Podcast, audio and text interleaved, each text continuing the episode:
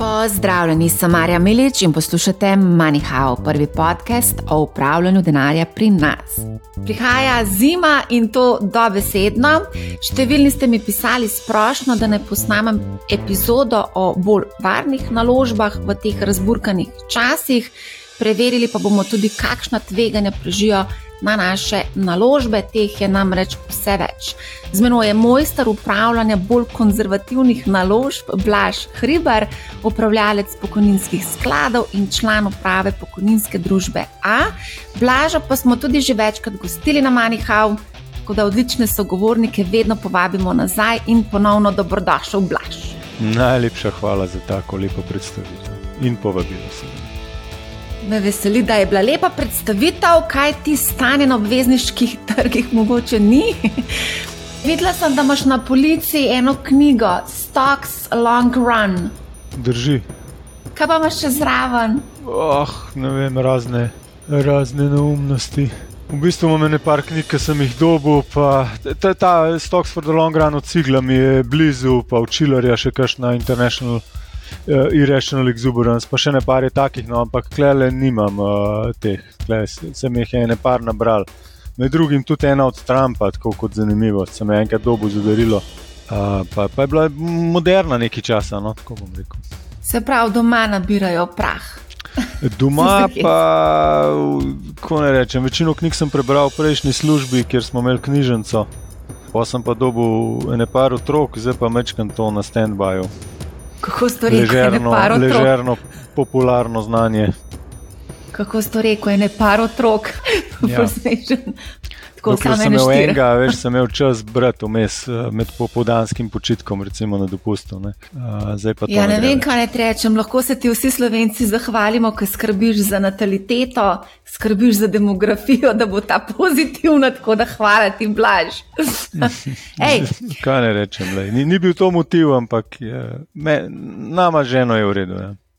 Skratka, a mi dva kar greva v akcijo, aj prav? Peva. Priča smo tektonskim premikom, kajti večina glavnih indeksov, ki merijo donosnosti obvezniških portfeljev, letos beleži dvomestne odstotne upade. Recimo global, vrednost globalnega obvezniškega indeksa Bloomberg Global Aggregate Total Return, ki sledi globalnemu obvezniškemu portfelju, je upadla za 19 odstotkov, vrednost evrskega obvezniškega indeksa iBox Euro Overall Total Return Index, ki sledi široko razprošenemu portfelju evrskih obveznic, pa za 15 odstotkov. Zdaj, mogoče še to raztoči dolar, sicer blaži, večino upada za evropske obvezniške vlagatelje, ki so investirali v dolarske obveznice pa sta upad obeh omenjenih indeksov nekajkrat večja od največjega letnega upada v celotni seriji izračunavanja obeh indeksov, lahko bi rekli, oziroma boš ti povedal, ali smo priča pravemu zlomu tečajev pod pritiskom zategovanja monetarne politike centralnih bank, ali je lahko sploh še slabše na obvezniškem trgu? Ali je lahko še slabše, zmeraj je lahko še slabše, ne? dokler naložba ni vredna nič evrov, ne? je lahko vedno še, sla, še za 100% slabše. To je prvi tak, eh, bom rekel, disclaimer. Ne? Kar se tiče pa tega premika letos, ne? je pa ekstremen, enormen in mu praktično ni pri, nismo, nismo bili priča v razvitem svetu, recimo vse od 80-ih, 70-ih let. Ne, ne. Ko iščemo neko obdobje, ne, ko probamo analitiki nekaj, recimo nekaj konstruktivnega, logičnega poiskati, nekaj podobnega poiskati v zgodovini, ne, moramo iti nazaj 30-40 let, da najdemo podobne številke pri inflaciji, pri uh, retoriki centralnih bank in pri, pri, pri v bistvu dilemah in problemih, s katerimi se danes rešujemo, srečujemo in jih probamo reševati. Tako da, ja, izredne, izredne razmere, noben danes praktično delujoč vlagatelj na obvezniške trge, ne, torej tisti, ki smo v službah. Ne, Uh, se s tem še ni spopadal, in uh, ja, izjemne razmere. No, kaj ne rečem. Pač tri, iz, šli smo iz enega ekstrema, ne, ko smo imeli negativne obrestne mere na, na praktično vseh naložbah, ki bi jim pogojno lahko rekel varne, ne, torej obvezniških naložbah, recimo temu naložbenega razreda. Do danes, kjer, kjer je to poskočilo za okrog recimo 300 bazičnih točk, oziroma za 3 odstotne točke čez prst, generalno. Uh, enormen premik, uh, in, in ki je povzročil pač te enormne enormne pace obvezniških naložb, ne, tudi tistih, za katere smo generalno, ne, če boste brali naložbene knjige, ne, bojo rekli, da so to ene najvarnejših naložb, kot recimo vem, slovenska državna obveznica, nemška državna obveznica, ameriška državna obveznica, angliška državna obveznica. To so vse naložbe, ki so letos, glede na trajanje, izgubile med 15 in 25 odstotki, in to so bile do zdaj tretirane kot konzervativne, dolgoročne naložbe. Letos to definitivno niso nevarne, ne konzervativne naložbe in so pripeljale do visokih izgub tistih, ki jih pač imajo, oziroma nekaj malega imamo tudi v portfeljih. Skratka, če smo mislili, da je upravljanje obvezniških skladov dolgočasno, lahko rečemo, se motili, da temu zelo. Smo se motili. Kolega mi je zanč, neizkušen investitor, mi je rekel, zanč, da čaka, da bo prišlo, do, da bo videl dno. Pa bom tebe vprašala, kot izkušenega vlagatelja, smo že videli dno? Ja, tež, težko reči, jaz, ne, jaz bi rekel, jaz ne bi upal staviti na to, da je vsega že konec. Ne. Ni konec problemov, ni konec odzivov uh, oblasti, torej centralnih bank in eh, voditeljev držav na te probleme. In, uh, ne bi si upal tega napovedati. Morda zadnje dva dni tako kaže, ko se je, recimo, temu psihologija vlagateljev obrnila v pravo smer, sentiment vlagateljev. Ampak eh, generalno rečeno, eh, ponavadi cikli, cikli dvigovanja obrestnih mer se ne končajo z prvim dvigom ali pa prvim dvema dvigoma, še posebej ne v takih razmerah kot danes. Ne. Se bojim, da ne.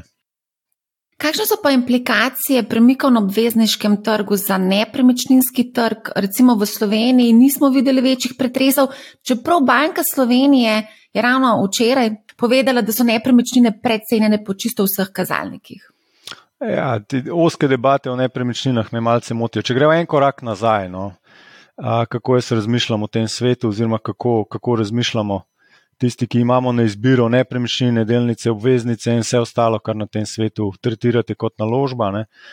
Imamo ekstremno inflacijo, imamo visoko inflacijo, 9 odstotkov, evrov moče 11 odstotkov, 10 odstotkov, 11 odstotkov v zadnje mesece, Slovenija po svetu podobne številke. Tam, kjer bolj regulirajo cene, so, so morda malce nižje kot v Franciji, tam, kjer manj regulirajo cene, so više kot v baltskih državah. Ne. Plače rastejo v Sloveniji, prav surs 8 odstotkov, javni sektor je ravno kar se izpogajal za povišico, zdravniki bodo zdaj naslednji in tako naprej. Imamo visoko inflacijo, ki terja povišanje plač, zato da ne izgubimo da ne izgubimo pač življenjskega standarda. Hrana se je podražila za 15 do 20 odstotkov, odvisen kaj jete radi. Tako da to so enormni premiki, ki terjajo tudi potem plačne uh, zahteve in te zahteve so uslišane posod po svetu, to pa potem vodi naprej do, uh, zopet do inflacije, v bistvu poganja inflacijo naprej. In zato, zato zdaj ta inflacija ni več, uh, nihče več v bistvu ne govori, da je zelo prehodne narave, ne, ampak je nek, bom rekel, strukturni problem, trajni problem, trpežna, ustrajna inflacija in z njo se zdaj uh, moramo boriti. Ne. In kaj zdaj to pomeni za, za recimo, finančno? Finančne vlagatelje. Če gremo zdaj nazaj na povprečnega slovenca, kot vedno rečemo, ne, ta ima večino denarja na depozitu na banki ali pa v gotovini, celo številni.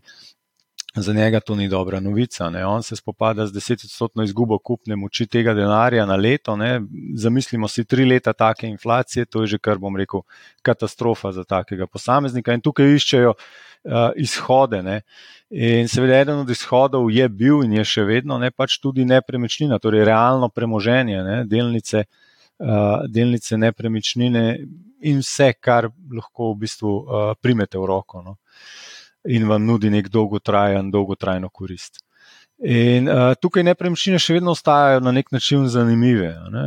Um, Če greste danes na banko, pa jih vprašate, koliko dobite za enoletni ali pa dvoletni depozit, vam bojo povedali neko v bistvu smešno nizko, nizko številko, če jo boste primerjali z inflacijo ali pa z podražitvijo samo hrane. Recimo, In tukaj ta motiv torej še vedno ostaja, še vedno smo v okolju izredno negativnih, realnih obrestnih mer. Ne. Tudi če pogledate, kje koli obrestne mere, ne, so te bistveno pod inflacijo, bistveno pod osnovno inflacijo. Ne. Osnovna inflacija v Sloveniji je Zadnja objava je 6,3 odstotka, v evroobmočju 4,3 odstotka. Takih obrestnih mer ne boste videli nikjer uh, v bankah, še vedno ne.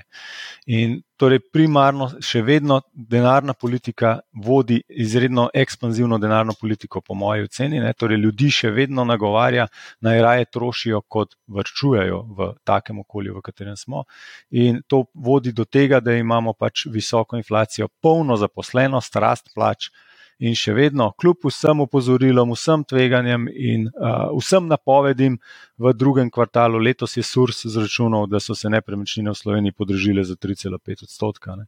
Tako da ja, je nekaj, nekaj uh, bom rekel, previdnosti pri nepremičninah na mestu, predvsem z vidika podražitve po, po, eh, eh, zadolževanja, ampak ne bi pa samo na osnovi tega sklepal, da bojo nepremičnine jutri, jutri se znižale za, eh, cene nepremičnin se znižale za 30 odstotkov, tako kot so se od recimo 2007 do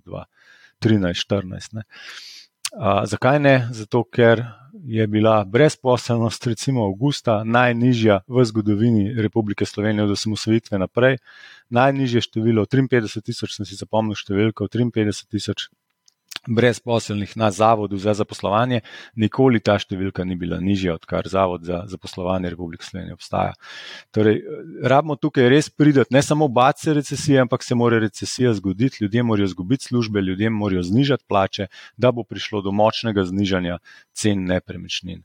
Po mojem uh, mnenju. Rahlo povišanje obrestnih mer, zaenkrat tega je to zabremzalo. Ne? Prej smo imeli dve leti enormno uh, 20-odstotno letno rast praktično cen nepremičnin, kar ni, seveda, ni vzdržno in seveda ni normalno in ne more iti to naprej.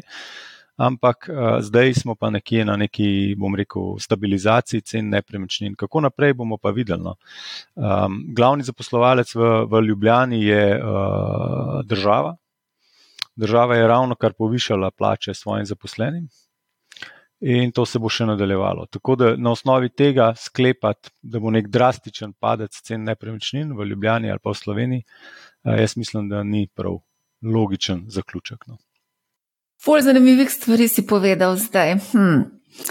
Pa bi mogoče, ok, dej, zdaj se je rekel recesija. Banka Slovenije recesije ne vidi, pač pa vidi stagnacijo, podobno tudi Umar razmišlja v Sloveniji, seveda eh, Nemčija je čez druga zgodba, Amerika tudi. Kako pa ti gledaš in kaj to pomeni dejansko za malega človeka, nekaj si sicer že omenil, izguba službe, rezanje plač? Mislim, zdaj, moja, moja napoved je tudi bolj v smeri neke stagflacije, ne? ker zdaj smo šli v bistvu z ekstremne. Eh, gospodarske rasti, ki je bila posledica pač odpiranja gospodarstva po let, dveletnem zaprtju, de facto zaradi COVID-a, in seveda to je pognalo gospodarstvo. Zdaj pa, če gremo zdaj kar naenkrat ekstremno hitro, da jim tako rečem, pa napovedati, da bomo zdaj šli pa ekstremno počasi, ne pač ogromen preskok je od tega, da zaposlujemo, da ni delavcev, da plače rastejo, do tega, da kar naenkrat jutri ne pa bomo odpuščali, nižali plače in uh, prodajali nepremičnine. Ne. Um, Tako da jaz mislim, da ta, ta preskok je mečkam pretiran. Jaz mislim, da neka srednja pot uh, je tista bolj realna, ne?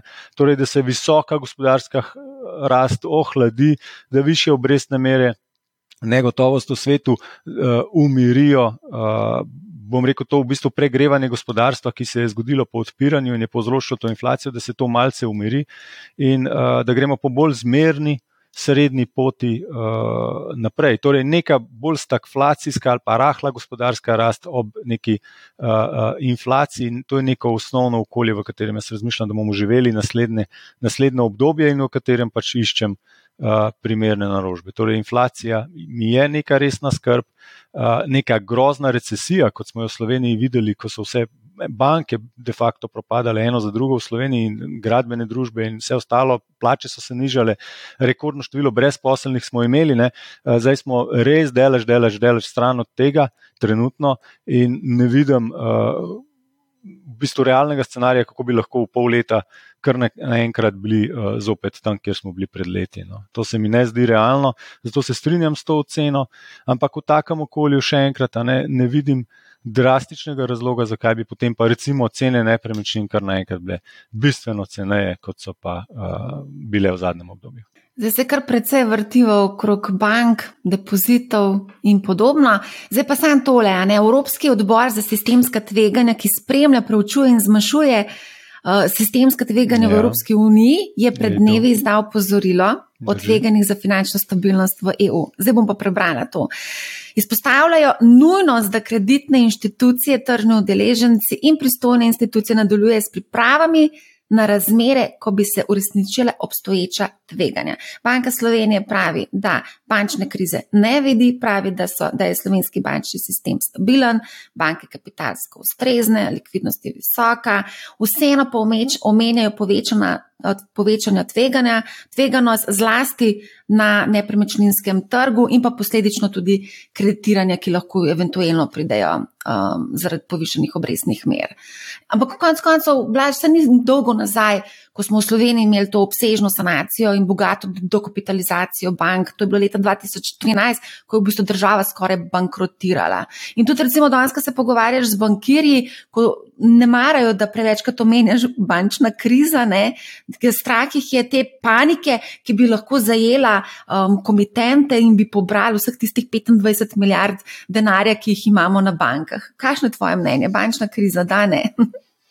Ne, bankrun ne, torej to, kar si ti rekla, je dvigovanje depozitov, to, te, tega realno ne vidim. So pa to namenoma, bom rekel, sprožili z, res, z, z, z ekstremno ekspanzivno denarno politiko, torej ležarine, dobesedno. Pod, enostavno povedano, le, ko so uvedli ležarine v Sloveniji, so se ljudje zdrznili in začeli resno premikati svoje prihranke iz banka. Ne. Potem je pa prišla še visoka inflacija in to se, uh, bi jaz rekel, nadaljuje ne, v tem duhu. Ne.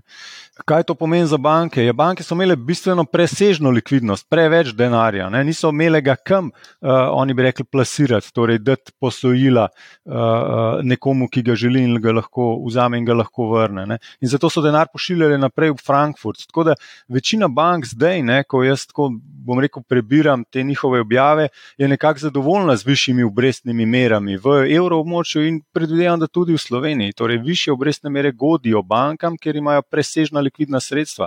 Povedano drugače, drugače, ko jaz dobim plačo na banko, ne mi banka za ta denar, ki ga jaz tam imam, dokler ga ne porabim, plača nič odstotno obrestno mero. Po drugi strani pa lahko ta denar sedaj dajo naprej v državne obveznice, v Frankfurt ali druge posojila in naložbe po bistveno višjih obrestnih merah. Prej sem rekel, tri odstotne točke višjih obrestnih merah za najvarnejše naložbe in še precej več za mal bolj tvegane. Ne?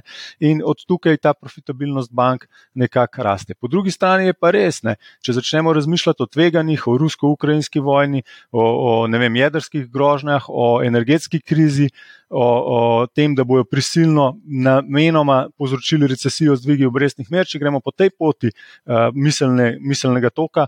Uh, Potem hitro pridemo do tega, da je potrebno vse, vse tveganje zmanjšati. Ne.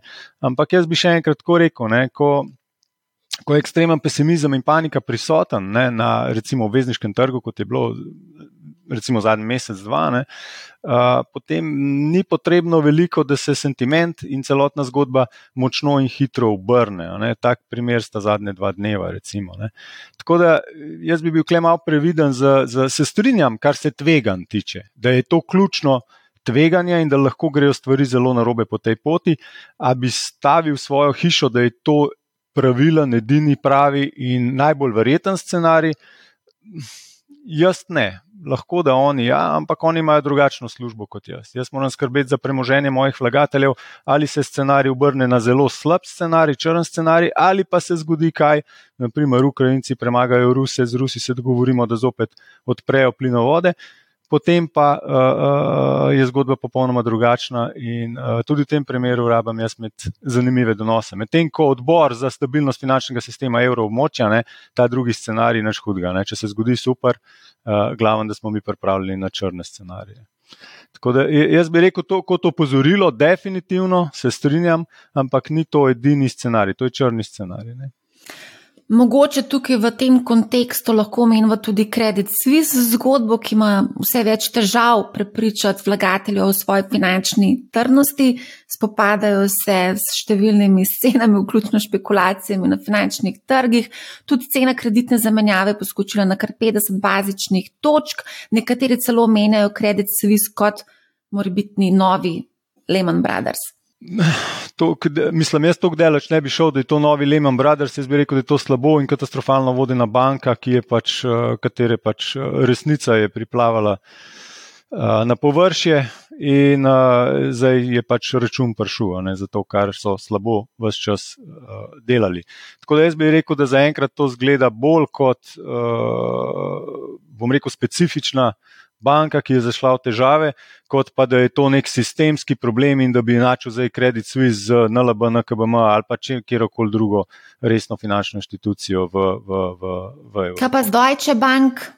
Deutsche Bank, nemške banke so pregovorno tvegane banke, ker imajo visok vzvod in, uh, bom rekel, anglo, anglosaksonski poslovni model, torej tvegano generalno poslujejo.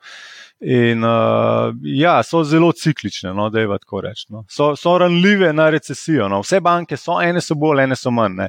Ampak Credit Suisse zdaj bi pa jaz rekel, da je bolj posledica tega, kar so v Credit Suisse delali. En poslušalec Andrej je vprašal, ali so too big to fail te banke. In kaj, v bistvu, če bi se zgodil propad, recimo Credit Suisse ali pa Deutsche Bank, kaj konkretno bi to lahko pomenilo za naš bančni sistem, oziroma za nas konkretno? A pa za evro in pa švicarski frank, konc koncev, ker ne gre za majhni banki. Ne? Mislim, jaz bom, jaz bom tako rekel še enkrat. No. Evropski bančni sistem je bil od leta 2008-2009 ali pa svetovni, no. evropski še posebej potem od svetovni od 2008-2009 naprej, evropski od 2012 naprej, pod ekstremno regulativo, torej regulatorje, ogromno papirologije, pravil, dejansko so, so bom rekel, zvezali bančnike in, in banke točno, kaj lahko delajo, pod kakšnimi pogoji, in tako naprej. Ni bilo ne politične volje, ne v javnosti ni bilo interesa in podpore, da bi bankiri prevzemali tveganja. In uh, generalno gledano so evropske banke šle v bistveno bolj konzervativen način poslovanja, kot pa pred letom 2008-2007. Tako da jaz tukaj, karkoli bi že šlo na robe ne, v evropskem prostoru, ne vidim bank kot tiste, ki bojo, bomo rekel, pospeševale recesijo, se jim bo recesija zgodila in tako naprej.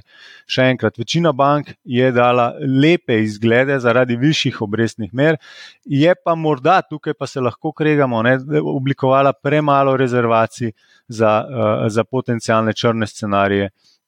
In eskalacijo trenutnih rizikov, ki jih vsi vidimo in o katerih se pogovarjamo. To, to, to ok. Ampak še enkrat, ne more priti za banke, banke so ciklična dejavnost, torej banke bojo trpele, če pride do recesije. Še enkrat, danes smo v neki stagflaciji, izmerni, a gremo v recesijo, gremo v globoko recesijo, so pa mnenja uh, zelo deljena, ampak zaenkrat je Nemčija v neki stagflaciji, rahli recesiji, Amerika v stagflaciji nekako in uh, številni deli Evrope so pa še zmeraj v zmerni, zmerni uh, fazi mhm. zmerne gospodarske rasti. Torej se upočasnjuje, ampak je še vedno uh, zmerna pozitivna gospodarska rast. Ja, pogledala sem si tudi delnice investicijskih bank, tako Credit Suisse, 50% uh, niže kot uh, v letošnjem letu, Deutsche Bank, JP Morgan, Bank of America, to, to so res v nemilosti vlagateljev. Uh, Medtem ko se tečaji bank, ki se ukvarjajo bolj z nekim klasičnim bančnimi storitvami, nekako še držijo, kako, kako ti gledaš na, na to investicijo? Lahko banke v tem okolju tudi ostanejo še naprej dividendne krave, kot so bile recimo v preteklosti. Ja, jaz mislim, mislim, jaz gledam predvsej, bom rekel, srednjeročno ne, na, na celotno denarno politiko in kaj iz tega lahko vlagatelji, torej tudi banke, konc koncev, uh, pridobimo. Ne. Meni v bistvu je zelo všeč, da so obrestne mere danes tri odstotne točke više kot pa pred pol leta, ker to pomeni, da za to, kar danes kupujemo obveznic naložb generalno, ne, nosi bistveno više donose prihodnje, prihodnje obdobje kot pa tisto, kar bi lahko pred pol leta. Ne. Seveda je zdaj tukaj lahko tako, da imaš danes denar, da kupuješ, a si že prej vse uh, porabo investiral. Ne? Tukaj smo različno, v različnih pozicijah investitorjev, ampak generalno gledano, tisti, ki nekako vrčujemo, no, bom rekel, v, v, v naložbah na nek srednji dolgi rok. Ne vem, zakaj ne bi v bistvu pozdravljali višjih obrestnih mer, višjih realnih obrestnih mer, konc koncev. Prej so bile še bolj negativne, ne, kot so danes. In uh, vidim to v bistvu kot nekaj, bom rekel, pozitivnega. In ko gledam potem na banke, ne, lahko to do neke mere mal preslikam. Je res, je problem, še enkrat, pri bankah je glavni problem, ali bo recesija ali ne bo recesija, kako globoka bo recesija, tukaj se lomijo kopja, ampak ta del zgodbe o obrestnih merah, ne bi pa rekel, da tako bankiri kot mi lahko uh, pozdravljamo. No. Uh, tudi banka je prej presežek denarja mogla poslati v Frankfurt in plačati za to minus nič cela 8 odstotno ležarino. Ne. Danes, če to isto naredi, dobi nič cela 75 odstotka. Ne. To se nekje uh, verjetno pozna kot pozitiven. Pozitivna alineja v izkazu poslovnega izida. Seveda je pa tam še polhan drugih alinej ne? in uh, recesija jih zelo poslabša. Ja. Uh, Mogoče bi tukaj v tem kontekstu, v bančnem kontekstu, omenila še NLB, ki je edina slovenska banka z delnicami na kapitalskem trgu. Letos so izdali dve izdaje obveznic, s katerimi so se nekako kapitalsko okrepili. Še najbolj pa izstopa recimo zadnja serija podrejenih obveznic brez, brez dolgoročnega končnega roka zapadlosti in te ne bi se obrestovale po res taki zanimivi obrestni meri 9,721% letno. Zdaj, koliko po tej logiki bi pa morali zahtevati imetniki delnice NLB-ja, če je možno z, z obveznico, ki ima prednost poplačila pred lastniki, doseči skoraj 10 odstotno letno donosnost, s tem, da tudi NLB, če pogledamo danes, kotira pri 54 evrih za delnico, letos je pa upadla že za 30 odstotkov. Kaj si misliš ti o vsem tem skupaj? Ja, z eno številko, recimo 17. 17 odstotkov, recimo, je nekaj zahteven donos, recimo, če s prstom ugibam, mogo bi pogledati natančno, zdaj bank je veliko na tem svetu, na labo ena manjših, tako da na pamet ne vem, kakšen bi bil zahteven uh, donos na kapital, zdaj lahko pa iz cene delnice in to vse seveda zračunava. Um, ampak številke pri, pri zahtevanem donosu kapitala so bistveno više, bistveno više od uh, obvezniških uh, zahtevanih donosov. Uh, obveznica, ki jo omenjaš, je pa v bistvu nekje vmes, ne? torej zato nima zapadlosti in zato je podrejena, torej jo lahko v primeru težav uh, pač uporabijo ta kapital za pokrivanje izgub. In torej, v bistvu ni, ni de facto ni obveznica, kot jo razumemo, ni primerljiva z depozitom, v bistvu je, če sem čisto iskren, bolj primerljiva z delnico. In zato tudi uh, tak zahteven donos. No. Je, je seveda, če, re, če uporablja to v kontekstu uh, obveznice, to je zelo visoka številka, če to uporabimo v kontekstu delnic, pa v bistvu je preniska številka. Zakaj? Zato, ker je inštrument nekje vmes med delnico in obveznico. V bistvu. Aha, imeli so pa še eno izdajo, mislim, da je bila 300 milijonska, 6%. Drži. Tista je bila zmerno podrejena, torej nekje ni, ni bila na, na, na ravni uh, depozita, je bila rahlo uh, bolj tvegana v čudnem času, malce izdana, NLB, bom tako rekel, NLB je pol slovenska, pol je pa balkanska banka čez prst ne, in tudi v tem obdobju Balkan, trenutno v zadnjem obdobju Balkan ni najbolj zaželena destinacija za vlagatelje, ko se bojimo geopolitičnih tveganj in uh, vsega povezanega s tem. Ne. Balkan pač ni stabilna regija in ko se povečajo geopolitične tveganja, uh, svetovni mednarodni vlagatelji seveda ne želijo vlagati na občutljiva območja in Balkan to definitivno je. Jaz mislim, da tukaj tudi del zgodbe NLB-ja, kadar je Balkan dobra. Uh, privlačna zgodba za investitorje, ne, takrat je to plus, ko pa je tako obdobje kot zdaj, ko se vlagatelji večinoma umikajo stran od tveganja, pa Balkan ni privlačna uh, zgodba za investiranje. In NLB tukaj ima, ima, ima, ima prste vmes. Zdaj, ko pa ko gledamo vse te delnice, vidimo, da so v bistvu bančne delnice kar precej potlačene. Mar se kdo bi zdaj razmišljal, da je to mogoče lahko tudi priložnost za poceni nakupe? Kaj si ti misliš o tem? Do neke mere se strinjam. Eh, ne samo bančne, vse ciklične delnice. Ne? Lahko pogledamo, ne vem, letalske družbe, lahko pogledamo eh, tudi v bistvu turizem do neke mere, ki je v bistvu zelo, zelo okreval, ampak vrednotenja so zelo nizka. Skratka, vse, ali pa trajne dobrine, recimo tudi avtomobilske družbe in podobno. Skratka, vse to, kar je v bistvu ciklično, kar ljudje v bistvu ne rabimo takrat, ko se bojimo, kakšna bo naša finančna gospodarska prihodnost česar takrat ne kupujemo. Ne, uh, vse to je v bistvu danes ugodno vrednoteno. Zato, ker smo se zelo zbali recesije, ki jo bo povzročilo to višanje obrestnih mer in energetska draginja. In v bistvu prideva nazaj do ključnega problema, ki ga mora vsak vlagatelj, do katerega se mora danes vlagatelj, po mojem mnenju, opredeliti. To pa je, kako ustrajna in problematična bo inflacija in kako bojo centralne banke na njo odreagirale in kako se bo razvila energetska kriza naprej, ki je pa povezana z rusko-ukrajinsko uh, vojno in sporom med Zahodom in Rusijo. Težke, težke teme. To je ful težka tema, ampak jaz se tudi sprašujem, kako realen je zdaj izračun v bistvu spoh te inflacije, glede na to, da imamo cel kup nekih cenovnih kapic, ne samo pri nas, posod po svetu in regulaciji. Na to temo jaz zmeraj odgovorim. Lej, poglejte, baljske države, ne, koliko je tam inflacija, tam je inflacija 20% plus, 20 tam, ja. tam, tam so predvsej striktni pri tem, da pač, če se elektrika podraži, bo za vse elektrika dražja in jo po tej ceni tudi vzamemo v, v košarico dobrin. Ne. Eh, na drugi strani, oni imajo, mimo grede, oni imajo evro, ne? tako kot imamo mi evro, tako kot imajo Nemci evro, tako kot imajo Francozi evro. Ampak, če pogledamo pa Fran Francijo na drugi strani, ne, ki je usmerjena v, v izrazito regulacijo cena, ne? prvi so bili najmočneje jih regulirajo, od benzina do elektrike, do ogrevanja, do vsega, eh, pa vidimo, da imajo šestodstotno inflacijo. Ne? Ampak uh, hkrati pa vidimo, kakšen izdatek, ogromno bo francoska država plačala, ne, oziroma na, dala v obliki popusta ne, svojim državljanom, ne, in ta številka se nabira, nabira, nabira. Ne, zdaj, številka je prava, glede inflacije? Pa jaz bi rekel, da tista iz uh, baltskih držav. Ne, Povedano drugače, elektrika. Če pogledamo, elektrika včasih je bila 40-50 evrov na megavat, ne?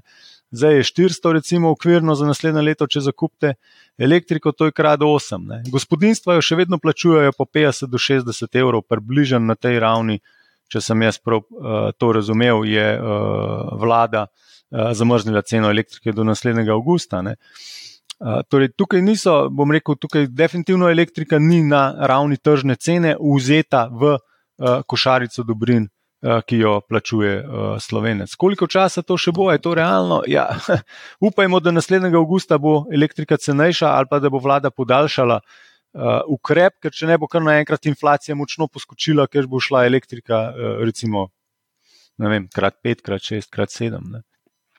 Tako da, kakšna je prava inflacija? Ne vem, predvsej visoka v bistvu. Ampak na koncu vedno pride računano tudi za vse te kapice in za vse to, kar se pač dogaja zdaj. Ne? Nekdo bo mogel to plačati. Ne? Tako, to so začasni ukrepi. In uh, recimo, ko smo že pri tem, kaj ti ukrepi prinašajo sabo. Prinašajo tudi rizike, ne samo kratkotrajno, zmanjšajo bolečino, umirijo situacijo, umirijo paniko, so dobrodošli. Ampak če predolgo ustrajajo ali pa če so prebogato, pre, na preveliko odmerjeni, pa začnejo povzročati probleme. Ne? Anglija je bila tak problem. Uh, tak primer zadnjih 14 dni, ko so uh, nepričakovano močno znižali davke. Samo po sebi bi človek rekel, vse to je pa ja, fajn, če ti znižajo davek na plačo, na dobiček, na najemnino in vse ostalo. Ne.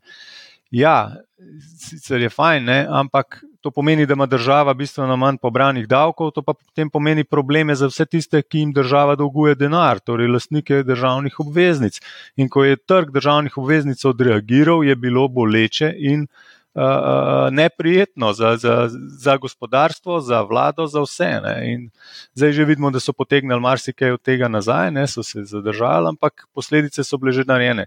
Opozorilo je bilo dano vladam, da ja, treba je omejiti bolečino, ki jo povzroči recimo energetska draginja. Uh, ne pa preteiravati z, z ekspanzivno fiskalno politiko, torej ne vsem dajati pomoči prekomerne, ampak tistim, ki jo potrebujejo, toliko, kot jo potrebujejo. Ne, ne pa vsem povprek nižati davkov, vsem povprek dajati subvencij, vsem povprek deliti denar, ker za to račun bo prišel. In za razliko od prejšnjega desetletja, v zadnjem času račun pride zelo hitro in zelo močno in se pokaže prek dviga obrestnih mer, ker smo v občutljivem inflacijskem okolju dvigovanja obrestnih mer in vsaka napaka na fiskalni politiki uh, se hitro odrazi na višini obrestnih mer. Občutljivo obdobje je. No? Zelo, ampak tudi pri nas zelo veliko talajo teh bombončkov. Ampak da greva samo mogoče to, kar si prej omenil, Veliko Britanijo. To je bilo trenutek groze tudi za britanske pokojninske sklade. Zdaj pa ti meni povej, kako se v bistvu lahko vlagatelj v bistvu pripravi na to vrstne, recimo, temu trenutke. Ne? Mislim, ko, ko se tak trenutek zgodi, je že vse prepozno. Ne? Tako bom rekel. Ne? Kar se mene tiče zadnje pol leta, če niste bili pripravljeni, torej če niste bili v kratkem trajanju, denarju in varnih naložbah zadnje pol leta, pač enostavno eh, je že minilo. Ne? Torej se moramo pogovarjati o naslednji polovici leta. Um, no, ampak zdaj, ko omenjaš recimo razne te poteze uh, vladne, konc koncev imamo pa tudi v bistvu kar precej nespametnih izjav uh, politikov, recimo konc koncev tudi primer v Sloveniji, ko, ko je ministr za infrastrukturo Bojan Kumar nespametno v intervjuju za dnevnik povedal, da, bo, da bi država lahko povečala delež v petrolu. Potem, ko, ko je že napovedala nacionalizacijo geoplina, delnica seveda je se skreširala, ne po domače povedano, veliko se upleta z nacionalizacijo v zadnjem času. Ne? Ja, jaz bi rekel, da politiki, politikom so zrasla krila v času COVID-a. V času COVID-a so pogruntali, ne, da v bistvu lahko z, z, z res močnimi ukrepi, v bistvu subvencioniranja delovnega časa, pomoči, turističnim bonov, takih in drugačnih. Uh, v, bistvu, v bistvu bombončkov, da je temu reči, oziroma finančnih daril, pomagajo, pomagajo ljudem in da lahko to počnejo in da ratajo popularni, oziroma je to všečno ljudem.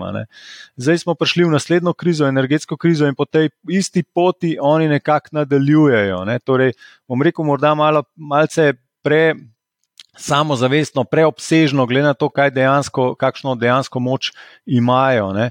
Na kratek rok imajo zelo visoko moč, lahko določijo ceno elektrike, ceno nafte. Ampak, če ceno nafte določiš, recimo petrolu, pod, torej pod nivo dobičkonosnosti, to dejansko pomeni, da boš firmo, firmo bankrotiral, bankrotiral v nekem obdobju. Ne.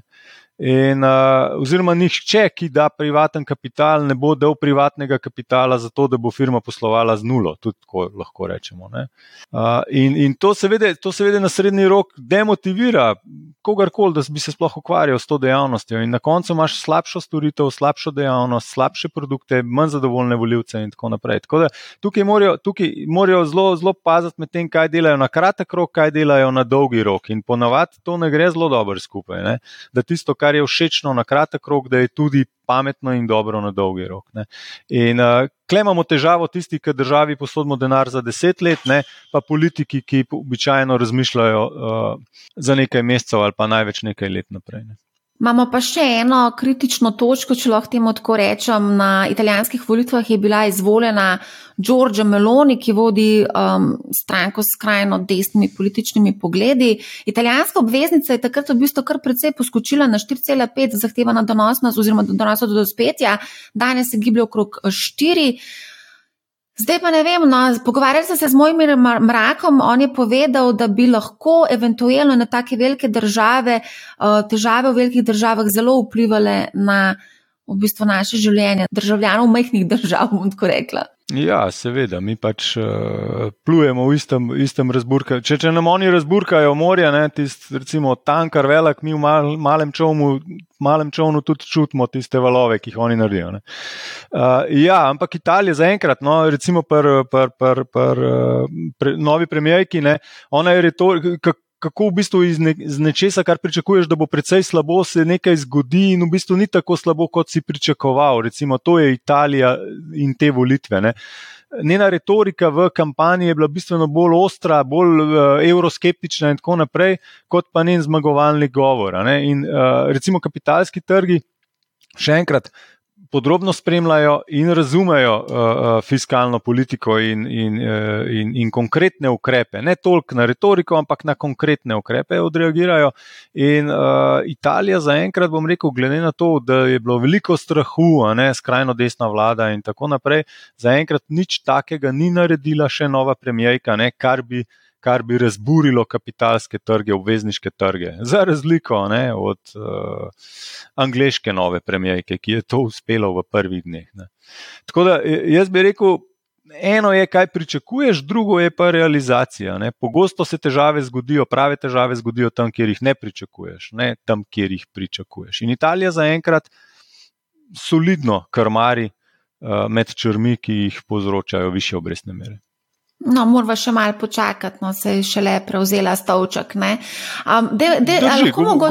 Obe sta prevzeli stolček, ravno kar pa je zelo raznolik scenarij yes. že v teh prvih dveh tednih. Ne, tako bom rekel. Jaz, jaz, jaz mislim, da je za italijansko premijejko to, kar se je zgodilo angliški premijejki, uh, ekstremno jasno in močno upozorilo, da naj, uh, bom rekel, malo premisli, preden nekaj uh, uvede. Ne. Dobila sem še eno zelo zanimivo vprašanje od Andreja, ki pravi, oziroma sprašuje, kaj je danes tisto, kar je bilo nekoč zlato in kar je bilo nekoč švicarski frank. Dve najslabši naložbi, bi jaz rekel, ne, v zgodovini slovenskega vlaganja denarja.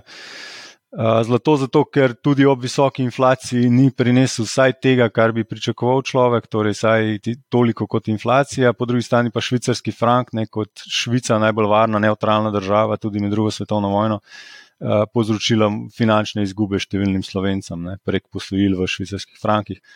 Uh, tako da, kaj je danes tisto najbolj nevarno? Ne vem, če bi me vprašali dobrega pol leta nazaj, bi rekel kriptovalute. Kaj je danes? Danes bi si pa mogoče upal celo celo mogoče reči, da denar, denar v, v, v nogavici, oziroma denar, ki ga ne uporabite, s katerim ne, ne, ne, ne, ne kupite nekaj, kar je realno premoženje, oziroma nekaj, kar vam nudi nek donos, ki vam bo vsaj nadomestil izpad kupne moči. No. Um, dejansko, če gremo po nekih črnih scenarijih, lahko ta inflacija ustraja in če ustraja, potem vaša kupna moč izredno hitro uh, kupni. Uh, In Slovenci smo pregovorno uh, varčni, imamo pač 25 milijard ali koliko na slovenskih bankah, in ta denar je večinoma neobrestovan. In jaz mislim, da tukaj je glavna, glavna nevarnost in glavna izguba slovenskega prebivalstva. Ne. 10 odstotkov od 25 milijard je 2 milijardi pa polne uh, izgubljene kupne moči v zadnjem letu na tem denarju. Ne. Ampak, blaž, da poglej, državne obveznice so slaba naložba se izkazale. Ne? Zlato slabo, um, denar na banki slabo. Vse, kar smo razumeli kot varnost, varne naložbe, tudi, a veš, danes vse v bistvu slabo, vse slabo. Zdaj pa ti meni povej. Nepremičnine so porasle v drugem kvartalu, še vedno za 3 odstotke, pa pol. Dobro, nepremičnine, točka ena. Morda bodo slabe, zaenkrat niso slabe. Državne obveznice, varne obveznice, sva rekla. Mi jih dejansko smo pričeli v zadnjih tednih uh, kupovati, oziroma postopoma jih kupujemo z dvigovanjem obrestnih mer. In zdaj že lahko kupite varno obveznico, triletno, približno, a bonitete, ki vam nosi okrog 4 odstotke, recimo proti 4 odstotkom gre za ta številka. To pa je že neka mogoče pričakovana inflacija, če ste saj malo optimist za naslednje uh, tri leta. Ne. Tudi po kapitalskih trgih, ko pogledate desetletno inflacijsko zaščiteno nemško državno obveznico, ta že kotira pri dejansko na nivoju inflacije. To pomeni, da vam bo uh, uh, nadomestila izpad kupne moči. Torej, ko kupite inflacijsko zaščiteno obveznico, dobite inflacijo plus nič cela nekaj odstotka, torej v bistvu dobite inflacijo. Do nedavnega, ne, do pol leta nazaj, ste dobili minus 2,2 odstotka. Ne, torej ste se strinjali, da vam da država nazaj manj, 2,2 odstotka manj na leto, kot je inflacija. Ne, zdaj smo prišli ne, na nek nivo inflacije, kar se tiče obrestnih mer. Torej, še enkrat, te više obrestne mere, kot nekdo, ki nalaga denar v obveznice, uh, uh, pozdravljam in od tukaj naprej bojo donosi zanimivi ali pa zadovoljivi, torej bistveno, bistveno višji, kot so bili in bistveno bolj. Uh, usklajeni z, z, z inflacijo. In uh, če moram danes reči, kaj, kaj je zanimivo, kaj, vesel, kaj do neke mere z malo veselja dokupujemo, ne, uh, so to v bistvu varne obveznice, ki po enem sedmih letih zopet nudijo nek donos, ki ima saj uh, saj, uh, saj nekaj uh, smisla. In torej lahko rečemo, da nudijo uh, donos, ki bo vsaj izenačil uh, inflacijo, pričakovano inflacijo. To sedem let nismo mogli reči. Kaj pa ameriški dolar? Ameriški dolar je zgodba prejšnje polovice leta, torej zgodila se je energetska draginja, zato je pač evro izgubil vrednost. Na drugi strani so se oni pregrevali, dobili še, bom rekel, pospešek iz naslova evropske energetske draginje, ne, torej kjer se kregata dva, tretji dobiček imajo, Rusija in Evropa se kregata glede plina, Amerika uh, dobavlja LNG, torej plin. Mi imamo v portfelju tudi eno družbo, ki se imenuje ExxonMobil, ne? to je pač ena večjih uh, naftnih družb na tem svetu in tudi izvaža LNG plin. V, v, v Evropo, njihova delnica je 50% v, v plusu v zadnjem času, kar se to dogaja. Tako da um, Ameriki gre zelo v redu, Fed more višati obrestne mere na eni strani, na drugi strani Atlantika imamo Evropo, ki ima inflacijo, ampak ima energetsko draginjo, ne viša obrestnih mer, zamuja za višanjem obrestnih mer in od tu ta šibkost evra. Uh, kako naprej? Jaz mislim, da ECB zamuja, relativno na FED in da bo mogla pač odreagirati, in da od tukaj naprej, da je ta priložnost, da imamo kupiti dolar ne, na mest evro, v večini zamujena, oziroma najmanj, kaj bom rekel, tvegana. Mhm. Zdaj si omenil ExxonMobil, a to bi rekel, zdaj bo marsikdo rekel, da se zdaj splača to, v to investirati. Vi ste to kupovali pred časom, verjetno se ti je splačalo. Mi smo to kupovali pa... ob koncu pandemije, kot v, v košarici delnic, ki so bile takrat nizko vrednotene, če pride do gospodarskega ukrevanja. In uh, se nam je ta del košarice, recimo, pač odlično delal, ne, torej uh, energija, kakšen drug del je pa bolj ciklično občutljiv, pa ni to, toliko odlično delal, še vedno pa solidno. Uh, ali se še vedno splača? Ja, jaz bi rekel, da ja. Jaz, uh, naša ocena, oziroma moja naša ocena je, da ta energetska draginja ne bo zginila čez noč, da ne bomo jutri zopet začeli na polno poslovati za Rusi, da bo ta uh, konflikt nek zamrznen konflikt, ki bo trajal in da ta plin enostavno ne bo več tekel v Evropo uh, tako, kot je tekel. To pa pomeni više uh, nakupe uh, više nakupe od drugot, in naftna podjetja so tista, ki dobavljajo tudi, ki so vodilna tudi pri LNG-ju. In uh, ja, torej ta zgodba ima še kar nekaj krogov za odteč. Uh, kar se tiče nafte, generalno, nafta generalno je pa zdaj, dokaj bi rekel, ugodno vrednotena, ker je Amerika sprostila strateške naftne rezerve. Ker je takrat uh, OPEC pomagal in ker so Kitajci v zero-COVID uh, strategiji. Uh, če se karkoli od tega spremeni, so to dejavniki, ki bi verjetno povišali ceno nafte, ne pa znižali. Ja, te naložbe se mi zdijo zmeraj zelo interesantne, sploh v luči ISG-ja, katerega v bistvu vsi finančne inštitucije zelo, zelo zagovarjate. Pa me zanima, kakšen, kakšen je skor ISG, skor ExxonMobila. Disclosure score je zelo dober. Torej, razkrivajo vse možne podatke, in torej po tem, kaj razkrivajo, je zelo v redu. Po tem, kaj delajo, bi človek rekel, da morda ni v redu, ampak še enkrat, ne, kar se tiče ISG, imam jaz sebinsko malo težavo s temi scoring modeli, ne, ker nagrajuje tiste, ki so že čisti, da imamo tako reči, ki so že skladni za ISG. Relativno slabo pa nagrajujejo tiste, ki so danes umazani, pa imajo plan, da bodo čisti ali pa nekaj delajo v tej smeri. Ne. Ampak, eh, če hočete, če hočete, da bo ta svet res, res CO2 neutralen, ne, potem morate nagrajevati oziroma subvencionirati tiste, ki danes, eh, bom rekel, so umazani, zato da bojo lažje čisti, ker obstaja ekonomski motiv, ne, da tudi umazane industrije. Eh, obstajajo, ne? konc koncev jih potrošniki zahtevajo in smo od njih odvisni. Ne?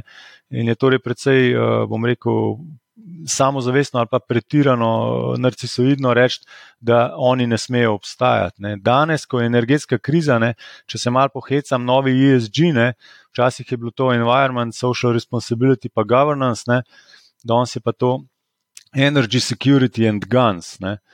Um, tako da ta, to, kaj je družbeno odgovorno, ne, se iz, iz meseca v mesec lahko hitro spremeni, in kar je bilo družbeno odgovorno pred pol leta, ni več družbeno odgovorno danes. Um, mi, ne, ki pa upravljamo denar, ne, moramo pa skrbeti za tveganja. In če grem zdaj nazaj na finančno stroko, kakršno koli koncentracija. Portfelja, ne? a je to v zeleno tehnologijo, a je to v sonce, a je to v premo, konc koncev na drugi strani, je koncentracija tveganja, pika. In koncentracija tveganja ti zniža pričakovani donos, glede na mero tveganja. Zato v sami osnovi ni zaželjeno. Ne?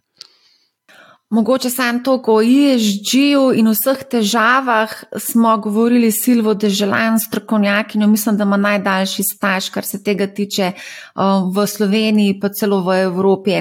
V Evropi se mi tudi zdi, da ima gospa kar dolgo zgodovino. Tako da um, predlagam, da poslušate to epizodo. Mogoče samo še ta uh, vprašanje od Jankota, ki sprašuje, kaj pomeni znaten padec evra v primerjavi z dolarjem za vlagatelje v ETF-e.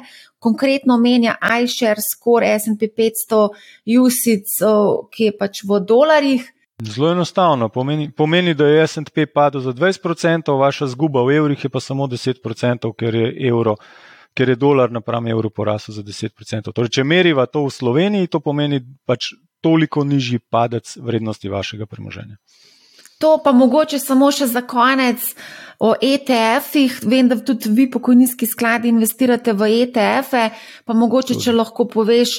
Približno, kako, kako se lotaš tega projekta, v katere ETF-e, mogoče tukaj bi izpostavil lahko tudi kakšen obvezniški ETF. Um, obvezniških se relativno se ne radi dotikamo, razlog je enostavno to, da je naša osnovna dejavnost. Mi kupujemo obveznice, imamo razpršen obvezniški portfelj in tukaj nimamo neke potrebe po dodajanju obvezniških ETF-ov. To je en razlog. Drug razlog je, da menedžiranje portfelja obveznice je malce bolj zahtevno, ker so manj likvidne v večjih skupkih. Običajno se te, te posli delajo, ne, torej v večjih vrednostih, in zato so v bistvu obvezniški ETF-ji relativno dragi. Ne. Imajo v bistvu više provizije. No, Kot pa neki zelo, zelo, zelo široki delniški ETF-ji, ki jih je zaradi visoke likvidnosti, majhnih majhnih vrednosti posameznih delnic in tako naprej, vseeno lažje, lažje upravljati. Um, kako se mi tega lotimo? Ja, pogledamo, seveda, kjer indeks želimo, da sledimo, ne, recimo SP 500, potem pa pač pogledamo, kjer so največji ETF-ji, ponovadi začnemo z največjimi, čisti iskreno, in pogledamo, kakšno, kakšen track record imajo, ali so dobro sledili indeksu, večina zelo dobro sledi. In, in kakšne imajo total expense uh, ratio, torej kakšni so celotni stroški poslovanja tega sklada. In tukaj kaj veliko uh, dodatne uh, pameti v bistvu ni potrebne. Ta nakup sam je dokaj enostaven, tako kot kupite delnico. Uh, odločitev, kdaj boste kupili, koliko boste vlagali in tako naprej, to je pač iz druga tema, primerna za finančne svetovalce. Ja. V glavnem, da vam mogoče sam še to pove, to so pa popolnoma zgrešili oziroma niso povedala, ali meniš, da so delniški trgi še vedno v coni razmeroma milega premika na vzdolj. Konc konca, če pogledamo Nazda, ki je letos upadl za 28 odstotkov, SP za 20 odstotkov, podobno tudi DAX. Recimo IBOVES pa zanimivo, ne, edini letos obarvan 10 odstotkov plus. Verjetno zaradi volitev predvidevam, ne vem. Ja, pa specifičnosti, uh, mislim, predvsej specifičnosti brazilskega gospodarstva. Ampak, če pustiva, če pustiva ob strani Brazilijo, no, um, višanje obrestnih mer pritiska na nižje vrednosti delnic. Ne. Nisva, kar si zdaj povedala, vse drži. Ne, uh, recimo najbolj zanimivo, recimo, da je Nasdaq minus 28. Ne. Vroče naložbe iz pandemije so še bistveno bolj v minusu. Uh, kriptosvet se je sesul in tako naprej. Torej, više obrestne mere so spremenile so spremenile uh, delniški, delniške uh, naložbe, vrednost delniških naložb in jih bojo tudi še naprej. Ne. In uh, dokler, dokler bojo centralne banke višale obrestne mere, jaz ne pričakujem omembe vrednih nekih pozitivnih, bom rekel, premikov na delniških trgih. Ko pa bojo centralne banke zaključile z dvigi obrestnih mer, bojo rekle, ok, zdaj pa inflacija uh, gre, rahlo, gre na vzdolj ali pa ne bo več rasla in ne bomo več dvigovali, takrat pa pričakujem, uh, bom rekel, kar precejšen pospešek vrednosti uh, delnic. Uh, kontrascenarij, ki ni ne mogoč, je pa nek recesijski scenarij, ampak kot mislim, da ste dobili že mal pri, pri, pri okusu tekom te debate, ni to moj osnovni scenarij. Torej, jaz mislim, da gremo v neko stagflacijo in konec obrestnih mer bi prineslo neko olajšanje na delniške trge, ki bi prineslo višanje, višanje uh, vrednosti tečajev. Seveda, če gre vse narobe, potem tudi na delniških trgih ne bo lepo. Skratka, ne vemo, kaj bo. ne, ne vemo, kaj bo, ampak, ampak mi, smo, mi smo dokaj neutralno pozicionirani. No, tako ampak, tako kot so svetovali na Banki Slovenije, vsem bankam bodite pripravljeni. tako da, verjetno ve, tudi. ve, vedno dober na svet, evergreen na svet. Evergreen ne moreš zgrešiti. ne moreš s tem na svetom. Ne. Blaž, uh, najlepša hvala za full fine debato. Zvemo zmer zelo veliko od tebe, stvari znaš pojasniti na zelo razumljiv način. Hvala, da si si vzel čas za mani. Hau. Z veseljem, vedno. Hvala lepa za povabilo. Dragi poslušalci, bliža se 27. oktober, ko bomo snemali Manihau v živo, torej pred živo, živo publiko. Družili se bomo tudi z gosti, ki ste jih poslušali na Mani Hau. Z nami bo seveda tudi današnji gost Blaž Hribar, pa seveda Damjan Merlak, Andraš Krahek, Andraš Brili in še kakšen gost. Program in prijava bo, bosta kmalo na voljo na novi spletni strani mani-how.com. Na dogodku bomo izmenjali mnenja in izkušnje ob pijači in prigrizkih, pa boste lahko poklepetali tudi z gosti, ki ste jih slišali na Mani How in se seveda podružili s poslušalci in gledalci Mani How. Vsem, ki želite pametno investirati, pa ne veste, kako se tega lotiti, predlagam, da preverite delavnico Investiranje za začetnike. Povezava je v opisu epizode. Tako kot je Blaž v tej epizodi omenil, tudi njihova strategija kupovanja in investiranja v ETF-e je precej podobna temu, kar tudi v bistvu boste izvedeli na tej delavnici Investiranje za začetnike. Tam izveste, kako investirati v dobrih in slabih časih, kako v bistvu upravljati portfelj uh, skozi bikovske in medvedje trende, ter kako kupiti sam ETF, na kaj je potrebno biti pozoren. Toliko za danes, poslušajte Manihau, ne bo vam žal in lep pozdrav!